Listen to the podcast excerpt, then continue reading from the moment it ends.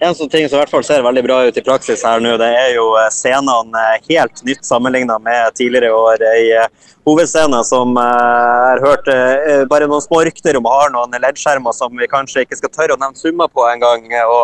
Ei, ei, ei reservescene som nok kunne vært hovedscene på de fleste festivalene i, i Norge. De, de, to scenene som er her nå, da, for for å nevne kjapt. altså man, man, det gir et inntrykk av at det her er blitt en stor festival.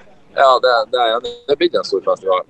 Uh, det den produksjonen du ser uh, på hovedscenen i år, den har jeg brukt tre år på å tegne og komme fram til en god løsning. For Det er en å, en tegne det, og så skal det klare å gjennomføres i praksis, så skal man ha noen til å bygge det. Så her er det altså tre forskjellige aktører som må til for å klare å lage hovedscenen.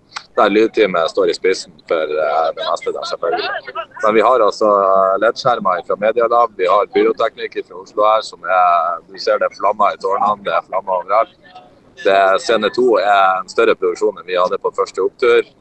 Sammenligna med opptur i 2017 så er den nesten like stor eh, som hovedscenen var den gangen. Så det er klart at eh, vi er en festival der det visuelle er det som betyr noe, og det er det du ser. Og det er det vi kommer til å utvikle på de årene som kommer også.